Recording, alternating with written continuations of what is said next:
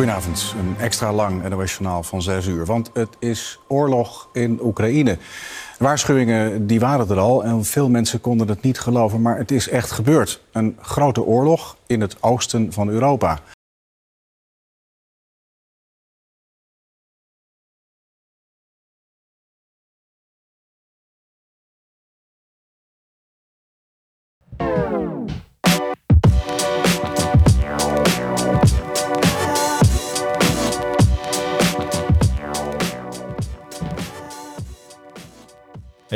Vincent. Hey Ernst. Sorry, laat eens even mijn microfoon hoor. Ja, dan een kleine moeite. Kijk, ik hoop dat je het niet hoorde. Hey Vincent. Hey. Zo, alles goed? Ja, nou ja, eh, trieste, trieste week hè? Het is oorlog. Het is oorlog, Je ja. moet door. En je moet door. En eh, ja, stel je voor het is oorlog en er komt niemand. Ja, dat soort eh, teksten krijg je dan. Maar. Ja, het is helaas niet zo. Nee, het is- was een hele drukke, drukke week qua wat er allemaal gebeurde. Ja. Eh, we hebben drie stormen gehad, volgens mij in zeven dagen tijd. Ja, De coronamaatregelen zijn er, het is vandaag 25 februari, eh, zo goed als versoepeld. Er was een gijzeling in een eh, Apple Store, wat Ja. we live konden volgen. Met een van de slechtste li- live blogs, streams die ik ooit gezien heb op AT5. Was wel erg leuk. ja, vermakelijk. Want die waren, nog, die waren vaak later op de hoogte dan, eh, dan anderen. Mhm. Ehm, en is oorlog. De grootste invasie van, een, van het ene land in een ander land sinds de Tweede Wereldoorlog in Europa. Op, eh, of op donderdagochtend 24 februari eh, werd ik wakker met volgens mij zes pushmeldingen van eh, NOS. Hm. Wat, was, wat was de eerste?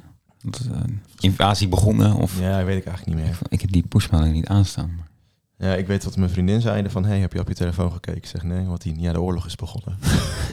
De oorlog is voor ja. Klinkt eh surreal. Ja, serieus. En dat was voor ons wel aanleiding eh, om daar eens wat historisch eh, in te duiken. Dat is best lastig, want volgens mij worden we continu ingehaald door de actualiteit en weten we ook niet precies Nee. hoe en wat. Dus misschien is deze podcast overmorgen al niet meer eh, ehm, relevant. Maar we dachten, laten we eens helemaal terug duiken in de geschiedenis van Oekraïne en Rusland en kijken waar dat een beetje voor het eerst met elkaar verbonden raakt. En dat gaan we doen aan, het, aan de hand van een, een vrouw, Olga van Kiev Ja. een soort eh, regentes, koningin van een groot eh, rijk, het eh, Rijk van Kiev, ook wel het land van Roes genoemd. We zijn dan ongeveer iets meer dan duizend jaar terug, hele verre geschiedenis. Maar daar later meer over. Ehm, heb je nog iets historisch meegemaakt, Vincent? Of was het genoeg? Ja, nou ja alles wat je aanhaalt is natuurlijk historisch. Ik weet niet of jij misschien nog wat wil vertellen over Indonesië. Ja, die eh, excuses. excuses. Officiële excuses. Dat is natuurlijk gebeurd. Eh, Ja, ja. Utrecht heeft ook nog een keer excuses aangeboden. Ook nog, ja. Ja, het was wel grappig, want ik had contact met een oud studiegenoot van mij. Die eh, heeft een keer heeft in het begin van het onderzoek een stage gelopen. En, hij, en ik vroeg hem van, heb je toevallig al... Want volgens mij is dat vorige week gepubliceerd, het grote onderzoek naar de oorlogsmisdaden in Indonesië door, de Nederlandse, door het Nederlandse leger eh, 19, eh, van 1946, 1948. En ik van, heb jij al inside information over wat er nou precies in het onderzoek eh, kwam? Dat wist hij niet, maar gelukkig lekte het toen daarna heel, snel vrij uit ja. sne- sne- vrij snel uit. En eh, het leidde dus meteen tot excuses van eh, Mark Rutte. Best, best bijzonder. En ik heb het niet helemaal goed gevolgd, moet ik eerlijk zeggen. Maar er kwam daarna ook nog een hele discussie over dat het woord oorlogsmisdaden niet genoemd is. Nee. Maar later hebben de onderzoekers wel gezegd dat ze dat hadden moeten doen. Ja, maar dan denk ik van ja. Dat, hebben dan had je het erin moeten zetten. Ja, dat of je moet er gewoon achter staan. Dat was één dag na de presentatie, volgens mij. Ja. Dan dek je je soort van in, terwijl het niet in het onderzoek staat. Dat Nee. vind ik dan raar. Nee, Dan moet je, ja. vind ik ook wel heel historisch. Die hebben altijd heel veel discussie over eh, begrippen en definities. Ja. In de, eh, Het, kan natuurlijk oprecht zijn dat ze denken van ja, het gaat om het verhaal. En het verhaal, of je het nou zo of zo noemt, is, blijft hetzelfde. Namelijk wat er gewoon exact, wat er gebeurd is. ja. Misschien dat ze daar een beetje door verblind waren. En Kan, ja. Ik eh, weet ook nog dat, ik was in de- dat er was discussies eh, zijn geweest tijdens mijn master over het gebruik van het woord genocide als je het hebt over die oorlogsmisdaden. ja, En ook nog bijvoorbeeld nog wel eerder als je het hebt over eh, Van Heuts in, eh in Atje bijvoorbeeld, waar die ook, of eh, J.P. Koen misschien nog wel duidelijker, die de hele Banda-eilanden ontvolkt heeft. ja, Maar dat werd toen dus de term ontvolking in plaats van genocide, omdat ja, het woord genocide bestond, bestaat- bestond, niet. toen nog niet. Nee. Nee, dus dat is dan zo'n discussie van kan je dat dan gebruiken. Maar goed, dat is natuurlijk bij het woord, de, het woord oorlogsmisdaden niet zo. Nee, ja, dat is bestond. natuurlijk iets algemeen, Ja. ja. Ja, Maar goed, laten we snel... eh, maar heb jij, heb jij nog, iets, nog, nog iets anders, eh, Vincent, over... Ja, ja ik ben uh, gisteren naar Ajax geweest in Lissabon. Dat oh was, ja, dat, uh, dat, heel historisch voor mij. Dat is even iets luchtigs, ja. ja. Vertel, Champions League, uh, een away day. Ja, away day bij Fika Ajax. Ik, ik, was erbij. Super slechte wedstrijd. Op zich wel spannend. Ja, heel spannend. soort van. Ja. hele goede sfeer. Ja, de Portugezen die, die zijn natuurlijk helemaal gek van voetbal. Dat is, ik denk misschien wel het land wat het meest gek is van voetbal in Europa. Zou het haast idee. Ja? Ja, je kan daar op de universiteit ook voetbal studeren. Echt? Ja. Had je dat opgezocht of hoorde je dat? Ja, dat, ik, ik heb ik een keer eerder ergens uh, gehoord. Volgens mij, of, ja, volgens mij gewoon in Lissabon. Maar zou je ook moeten zoeken. Maar volgens mij is dat zo. Lachen en dan gaat dan heel tactisch gaat dat over. Ja, of, uh... of, ja, gewoon over misschien ook over de geschiedenis en wat het doet voor de samenleving. Geen idee. Oh, interessant. Ja. Maar, eh, want zat je in het uitvak? Of hoe, hoe nee, zat je tussen de... Gewoon tussen dat ging allemaal goed. Ja, dat was allemaal super, super gemoedelijk. Had je Ajax-shirtje aan ook? Nee, nee, nee. Ik wil niet vechten. Nee, veel meer mee. Nee, iedereen had een Ajax-shirt aan en het kon allemaal gewoon. Lachen. Het doelpunt van Ajax zag je gewoon uh, elke rij uh, misschien uh, twee, drie mensen opstaan door het hele stadion heen. Dus dat was, ja. En zat je dichtbij? Of, mm, nee, wel redelijk bovenin. Bovenin op de lange zijde, ja. Ja, en je stuurt dus een filmpje dat je dus dat van Hermes House bent, dat ze dus draaien bij Benfica. En dat is ook echt de Nederlandse versie. En het is echt een, want je hoorde nog een, keer. En dan, ja. dat is heel vreemd. Maar dat is dus een soort van hun, voor, voordat de wedstrijd begint, dat is misschien dan, dat ze dus het nummer van, eigenlijk van Feyenoord, als ze gescoord ja. hebben. Ja, na, na, na. Maar dat draaien ze dus ook bij. Benfica. Ja. Maar dat is niet omdat ze dus tegen Ajax moeten, maar als een soort van... Ja. Nee, dan ze, doen het, al, ze doen het altijd. Hebben, ja. Ja. Maar ook dus de Nederlandse versie, dat is toch mooi? Ja. Ja, en volgens mij, uh, dat nummer is van Tina Turner, origineel, ja, toch? Ja. En ja. ik iets gehoord dat zij op een gegeven moment een keer is weggelopen of een beetje kwaad was bij een, bij een optreden in Nederland. Omdat iedereen een soort van die Hermes House versie in zijn hoofd deed en begon te lallen van ja, lala. Terwijl dat helemaal niet in dat nummer zit. Dat, nee. dat uh, niet echt tolk, zeg maar. Zo mooi. Ja, ik vond het gewoon heel grappig dat ze dat daar ook uh, draaien. Dus echt voetbal is echt globaal. Ja, het is echt uh, verbindt. Dus, verbindt, ja. Nou. Wat niet verbindt is oorlog. Nee. De Champions League finale is nu ook weg uit uh, Sint-Petersburg. Ja, ik las het net. Ja, en ook de Formule 1. Ja. Gaat wel snel dan, ja. Terwijl... Nou goed, laat dat, dat, dat, dat, dan maar zeggen, dat worden dan pushberichten van de NOS. Terwijl er gewoon leed, laat maar zeggen, zijn gewoon bomaanslagen en uh, de... Ja. Wat het is oorlog. Waar, waar denken we aan? Oh ja, shit, de Champions League finale. Ja. hoe gaan we dat in vredesnaam doen? Weet je? De benzineprijzen gaan omhoog. Dus, uh, ja, Weet je wel. Net alsof niemand iemand in de schelkijder zet in Oekraïne en medelijden heeft. En dat wij nu misschien 30 cent meer moeten betalen voor een liter benzine. Dat is er aan denken. Maar goed. Nee, um, we willen dus graag het verhaal vertellen van um, uh, eigenlijk van de, de, de verbonden geschiedenis tussen Oekraïne en, en, en Rusland. En uh, het is een heel ingewikkeld. Eigenlijk is dat een hele grote, lange, ingewikkelde geschiedenis. Die een soort van uh, verschillende fases gaat. Er zijn best wel uh, goede artikelen, bijvoorbeeld nu in de Volkskrant. Uh, die heel kort aanstippen eigenlijk hoe de, eigenlijk wat de geschiedenis van Oekraïne is. En hoe die verbonden is aan de geschiedenis van Rusland. dat is echt voor, ze gaan echt 500 voor Christus, samen zeggen, tot, tot nu. Ja. Historiek heeft ook een, een, een mooi artikel daarover. Um, maar wij focussen ons vandaag meer op de periode uh, ongeveer 900, 900 tot 1000. Uh, want daar begint eigenlijk uh, de echte eerste geschiedenis samen tussen Rusland en, en Oekraïne. En dat is dus ook, dat wordt veel gebruikt, dat, dat die geschiedenis wordt veel gebruikt in het verhaal van, van Poetin. Ja. in de toespraak die hij geeft en de, in de legitimatie die hij heeft voor de inval van, van Oekraïne. Ja. Want op maandagavond 21 februari, ik moest trainen ik uh, kwam terug in de kleedkamer en ik zag weer al die uh, pushberichten van de oorlog is begonnen eigenlijk. Gaf Poetin een lange emotionele toespraak van uh, zeker vijf kwartier. Waarin hij eigenlijk alleen maar had over de geschiedenis van Rusland en, en Oekraïne. En in, in die toespraak erkende hij dan ook de twee volksrepublieken in het oosten van, van, van Oekraïne, dus Lugansk en Donetsk, die eigenlijk al, of Donbass, die eigenlijk al sinds nou, al meer dan acht jaar soort van in oorlog zijn met, met Oekraïne, met steun van, van Rusland. Ja. En nu worden ze dus voor het eerst erkend. Ik zag volgens mij daarna dat Nicaragua ook meteen die landen erkende. dus dan weet je hoe, hoe de vork in de stil zit. Um, Venezuela. Ja, of Venezuela, ja, een van die twee, ja. Ik weet even niet. Ik weet misschien van Maduro van Venezuela inderdaad, dat hij helemaal vol achter Poetin stond. Ja, ja, bizar is dat toch? Um, en eigenlijk uh, uh, wat hij dus daar legitimeerde was ook een soort van militaire inval. Want hij zei, deze een soort genocide vindt plaats in die gebieden door, uh, door de Oekraïnse bevolking. Ja. Of door Oekraïnse soldaten die daar dus Russische ehm, mensen doodmaakt. En hij wilde graag de eh, Oekraïne denazificeren. Dat is ook wel interessant, want dat gebruikt hij al sinds... Dat is de propaganda die hij gebruikt sinds... eh, 2014. 2014 door, door te zeggen dat Oekraïne, dat er neonazies aan de macht zijn. Eh, Ja. Nou, dat past natuurlijk heel Dat mooi. is een heel klein groepje, zoals je dat in elk land in Europa hebt, denk ik. Die Ja. een beetje op die tak zitten. En die hebben de vorige, bij de vorige verkiezingen de kiesdrempel niet gehaald. Dus dat, is, dat gewoon een heel klein, eh, eh, hoe heet dat? Klein gedeelte van. eh, dat heeft niks te maken met wat Oekraïne is. Maar het is wel grappig dat ze dat zo proberen te propaganderen. ja, dat het gewoon heel erg het uitvergroot. tweede nazi-regime is. Ja. Ja, en want die mensen in de Donbass, dus waar Poetin van claim waar genocide op wordt gepleegd, die worden ook nog gewoon doorbetaald. Hun pensioenen, hun uitkeringen. De, de- er gebeurt niks met die mensen, zeg maar. Er wordt er niks, niks aangedaan. Op een gegeven moment hebben ze na de eh, annexatie van de Krim, hebben ze de Minsk-akkoorden eh, afgesloten, waarin ook op vastgelegd is van, nou goed, dit zijn dan maar even soort Russische separatisten gebieden. Eh, we leven met elkaar verder en dit is even wat het is. En da- daar, is, ja, daar zijn uiteindelijk ook veel doden gevallen. Maar met name door die separatisten, niet de Oekraïne. Ja, ja. ja, super interessant. En wat hij dus in die toespraak deed, van eh, afgelopen maandag 24 februari, eh, 21 februari, sorry, was, hij gaf dus een soort geschiedenisles, een soort college.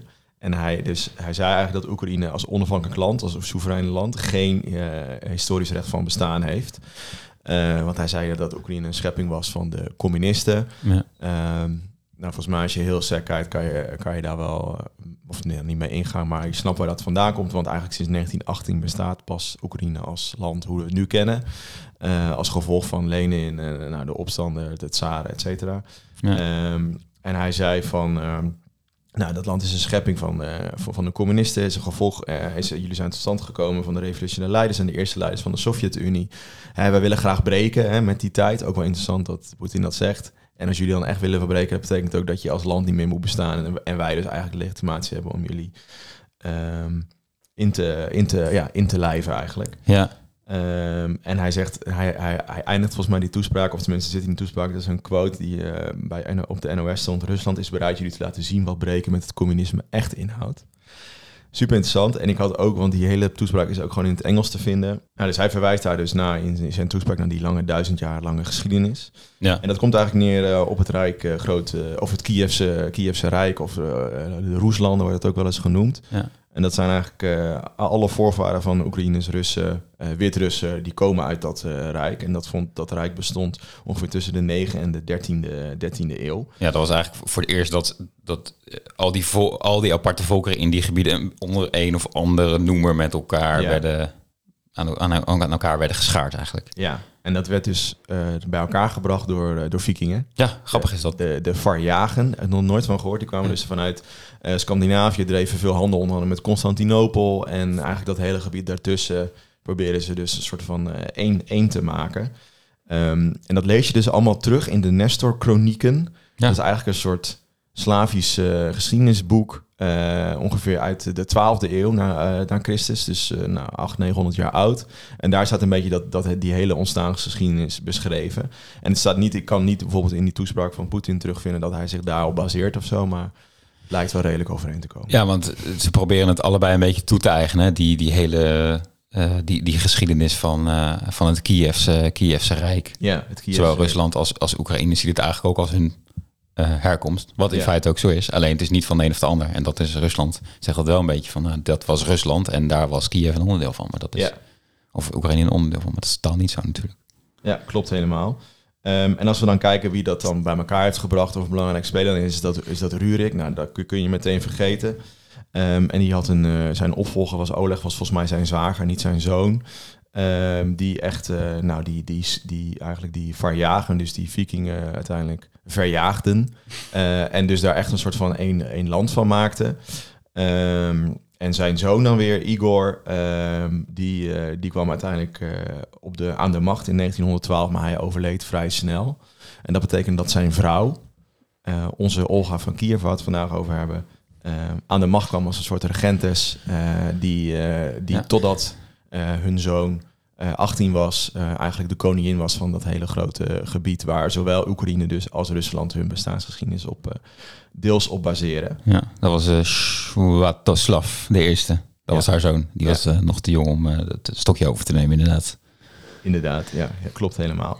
Ehm, En eh, zullen we, denk ik, eh, na de quiz maar eens even verder induiken op het verhaal van... eh, Ja, want het, het is... eh, het is, het is een... Het, het to- het toont wel aan, denk ik, dat eh, de Russen zich zorgen moeten maken nu over de, strijd, de strijdvaardigheid van, eh, van de Oekraïners. Ja, dat denk ik wel. Ja, ik weet niet of dat... Ja, ja, ja, klopt helemaal. Maar laten we eerst even lekker naar de, naar de quiz gaan. Yes. Eh, ik sta een punt voor. 2-1. Ja, 2-1 eh, voor jou, ja. Eh, de luisteraars staan nog op 0. Eh dat is vorige Ja. fout. Maar goed, eh, Nou, op zich zou de vorige keer wel... ehm, voor de close podcast had wel een goed antwoord gegeven. Dacht ik toch? nee. Ah, oké. Nee, dan eh, moeten we streng zijn. Nee, ja, ja ik, ik, ik ben daar gewoon heel streng in. Weet je, in die beker is alles voor mij. Ja, snap ik. Ik ontleen daar mijn, mijn hele eer ontleen ik daaraan. dus ja. Nee, de vraag die we vorige keer eh, dan stelden nog was... Wat, wat, wat zijn spekrijderijen? Ja. Een soort oud-Hollands... eh, ik moest een beetje denken aan een soort Jiske-vet filmpje. ja. Eh Wat is het ook weer? poepveulen slingeren. Poepveulen slingeren. Even opzoeken op YouTube als je Ja, als je niks te doen hebt. Maar goed, het is een continu eh, lange uitzending van NOS. Dat kun je ook kijken. Ja. Eh, maar de spekrijderijen, dat waren hardrijderijen op schaatsen om eh, spek en erten. Dus dat eh, was gewoon een wedstrijd, gewoon hard schaatsen voor, eh, Voor spek en voor erwten. spek en erten. Niet voor spek en bonen, maar voor spek en erten. Grappig. Eh, nou, st- stel een vraag aan mij. Ja, ik ga even bladeren en dan Ja. gaan we het zien. Eh, stop. Eh, dan ga je vraag 65 beantwoorden. Ja. En dat gaat over. eh, nou. In de jaren 30 bestond er in Nederland een forse censuur op radio-uitzendingen.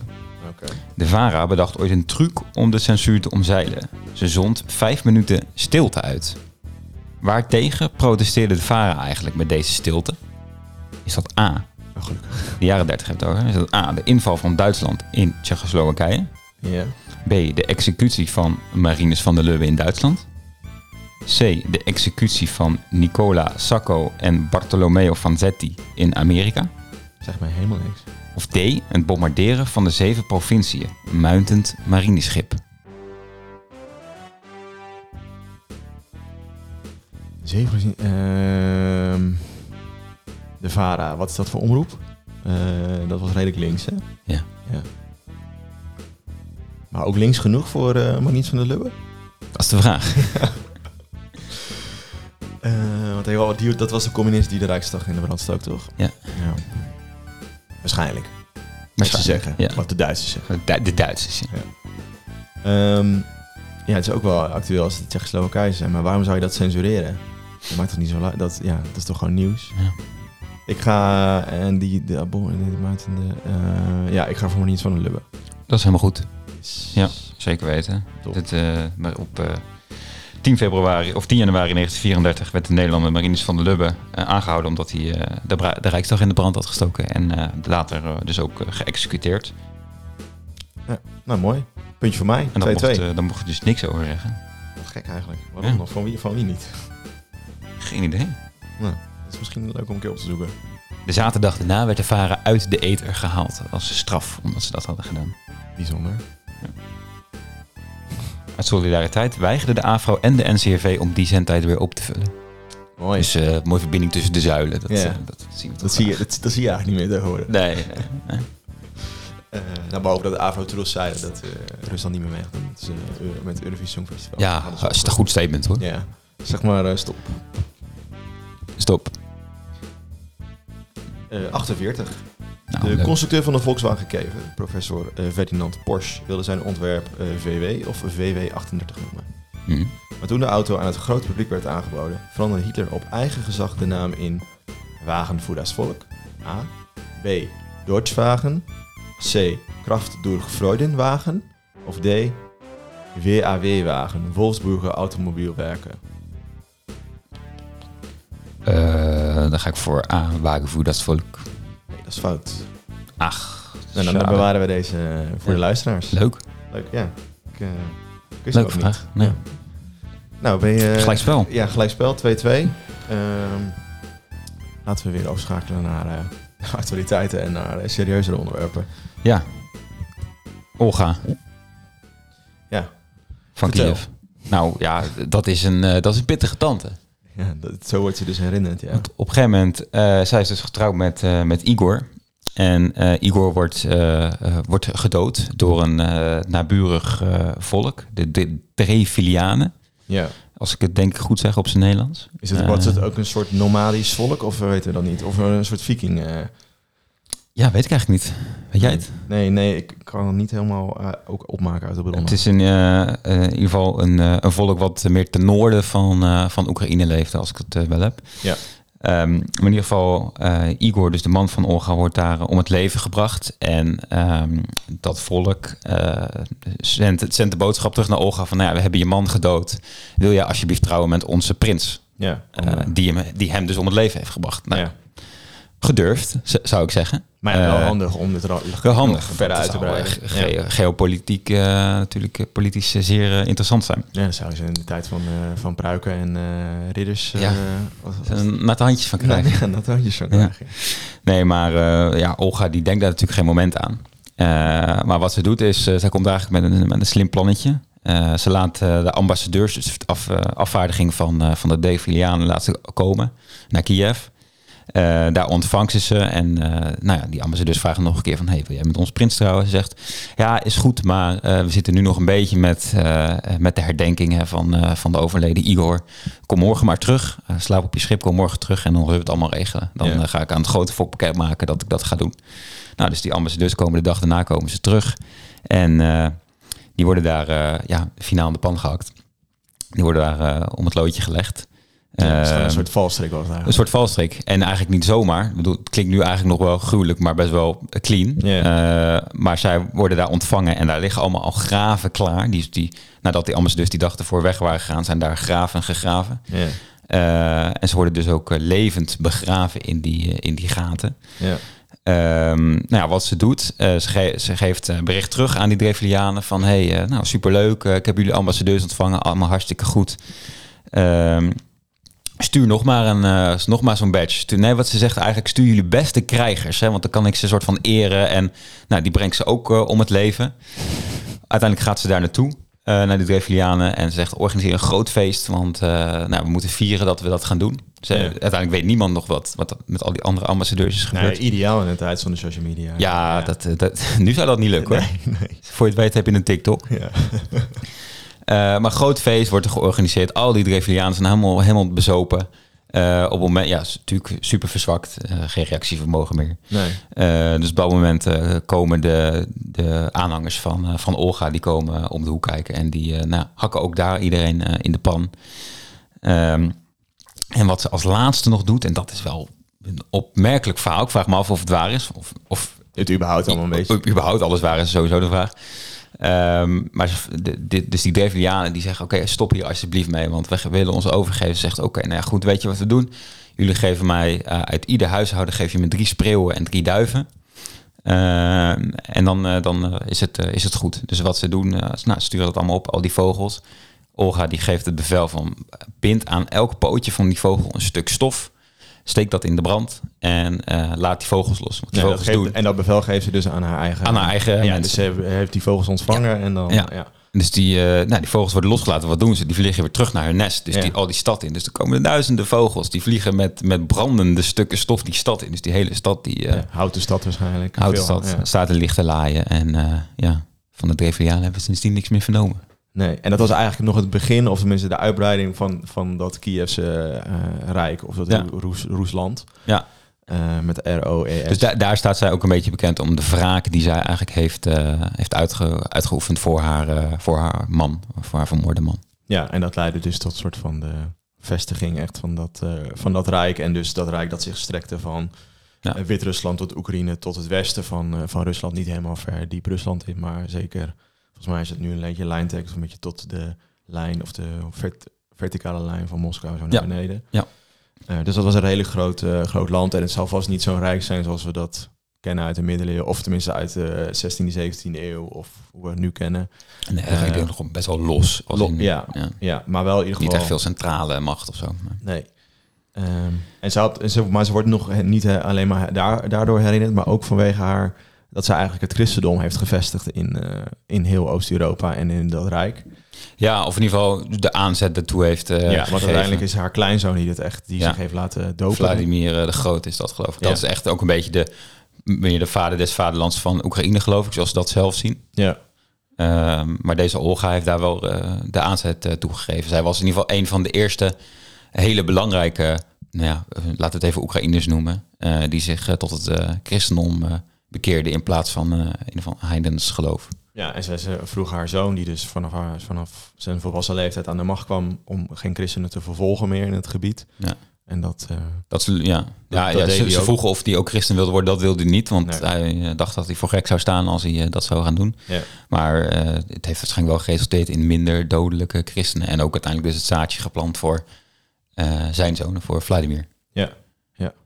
En ze wordt dus herinnerd als een soort van... Ze is natuurlijk een heilige geworden, zoals veel mensen in die tijd. Ja. Ook voor ongeveer voor alle kerken die er zijn. Dus de orthodoxe kerk tot de Rooms-Katholieke kerk tot de... Uh, nou, het was een heel rijtje, stond uh, op haar Wikipedia-pagina in het Engels. Maar het, het, was dus geen, geen heilige met schone handen, laat maar zeggen, om het zo te zeggen. Nee. Je had ook een hele mooie quote van een of andere, volgens mij een Britse historicus. Wat zei hij nou, wat zei hij nou over haar? Ja, hij zei, if any saint was bad to the bone, dus slecht als op het bot, yeah. it was Olga, princess of Kiev. She took viciousness to a new level. Ja, dus dat is wel... Viciousness, ja, sluwheid. Sluwheid, ja. ja. ja dat, en dat spreekt ook wel vanuit haar. Ja. Overigens heeft hij ook een leuk boek geschreven over uh, alle saints, alle sinten. Noem je dat ja. zo in Nederlands? Sinten. Ja, heiligen. Die heiligen, ja. maar niet. Alle heiligen die, ja, die niet zo heel nee, ja, goed waren, zoals ze soms worden afge. Ook wel grappig. Maar dus het interessante van dit verhaal, dat ik het belangrijkste is om vandaag te onthouden als, uh, als luisteraar, is dat zowel Rusland als Oekraïne deze geschiedenis van dit rijk zien als de bakermat van hun land op dit moment. Ja.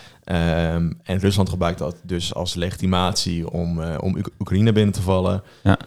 Um, en Oekraïne die, uh, ja, die, ja, die, het, is, het is een beetje een à la carte menu als het gaat om historische feiten ja. kiezen. Ja, zo gaat het natuurlijk. Hoe ga je om? Want ja, als je zegt van Oekraïne is pas Oekraïne als natie zijnde uh, sinds uh, 1918. 1918, dat klopt in die zin wel, min of meer. Maar Rusland is dat al net zo. De, dan bestond Rusland bestond daarvoor ook niet. Nee, nee. En als we dan even nog even kort toch nog even die geschiedenis daarna aanstippen tot aan 1918 in grote lijnen, dan zie je dus dat. Ja, ja maar dat is natuurlijk wel belangrijk, want in 1918, ja. uh, dat is misschien wel goed om te zeggen, dat zij roepen zelf wel aan de hand van het communisme aan de bolsjevistische beweging, maar het zijn de Oekraïners zelf die aan de hand daarvan hun uh, zich ontdoen van, van de grotere machten en een nazistaat uitroepen. Ja. Pas in 1922 uh, wordt het onderdeel van de Sovjet-Unie. En dan komt het dus meer onder Russische bewind. Maar het zijn dus uiteindelijk zelf wel geweest die de eerste stap hebben gezet. Ja, ja klopt. Dat is waar. Ja. ja. Maar dus na dat Rijk, als we terug gaan naar de geschiedenis, dat, Roes, dat Roesland, Ja. ROES-land, uh, of het Rijk van Kiev, werd eigenlijk weer veroverd door de Mongolen in de 12e, 13e eeuw. Uh, en toen kwam het nog weer in handen van het uh, grootvorstendom Litouwen. Blijkbaar was dat een hele grote speler in die tijd. Nooit van Ja, de Litouwse Poolse Ja. gemeenebest. Gemeenebest kwam later uh, lijfde, of fuseerde dat, dat Litouwse Rijk met, met het Koninkrijk Polen, waardoor het een uh, Poolse Litouwse gemeenebest werden. Um, maar het was natuurlijk een soort van allegaatje van allerlei volken die daar leefden. En uh, eigenlijk in dat vacuüm van Ja. die landen ontstonden er ook weer de Kozakken, die is bekend. Nou, die zijn volgens mij wel bekend bij meerdere mensen.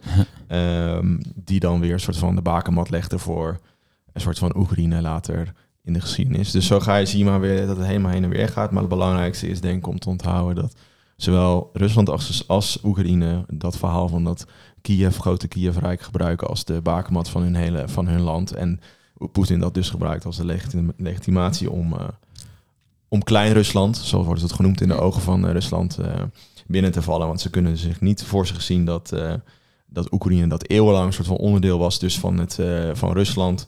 Uh, opeens de, de Russische invloed weer zou verlaten en misschien wel lid, lid zou worden van de NAVO of misschien wel lid zou worden van de, van de EU. Uh, omdat ook ja, Rusland zonder Oekraïne is misschien wel helemaal geen groot imperium meer. Vroeger was het natuurlijk de graanschuur van, van, van Rusland, Oekraïne. Dat is Ja. misschien nu wel iets anders, maar ze kunnen zich dus blijkbaar niet voorstellen dat het, Ja. dat het geen onderdeel meer zou maken van, uh, van Rusland. Ja, ze zijn natuurlijk een aantal jaar geleden be- begonnen met een soort uh, ja, afstand te nemen van, uh, van Rusland op Ja. verschillende manieren. Dus standbeelden werden weggehaald, nou ja, straatnamen, zal je vast aanspreken, werden, Oh, werden allemaal veranderd. vertel me mee. Eh, ja, alle, alle Sovjetische straatnamen of überhaupt de Russische straatnamen werden veranderd. Je moest verplicht Oekraïens leren op school. Dat was daarvoor ook niet. Nee. Ehm, dus daarmee hebben ze wel een duidelijke lijn ingezet die eh, Poetin natuurlijk totaal niet beviel. Nee, klopt. En je ziet dat het ook wel werkt. Zo, dit is best wel, volgens mij... Nou goed, ik zie het heel erg vanuit de zijlijn en vanaf Twitter en vanaf NOS. Maar Mhm. er leeft wel een soort van nationalisme in Oekraïne op dit moment. Ja, wat er nooit geweest is. Nee, Nee. tussen al die eh, verschillende landen. En misschien nog interessante tip om te lezen. Er is recent een boek verschenen, een roman wel. eh, Alexandra van Lisa Weda. En zij eh, beschrijft heel verhalend eigenlijk al die verschillende perspectieven en al die verschillende volken of stammen of eh, eenheden die er zijn in, eh, in Oekraïne en vooral in het grensgebied met Rusland, waarvan de ene denkt van we moeten bij Rusland horen en de andere denkt we moeten zelfstandig zijn en de andere denkt we moeten bij Oekraïne horen.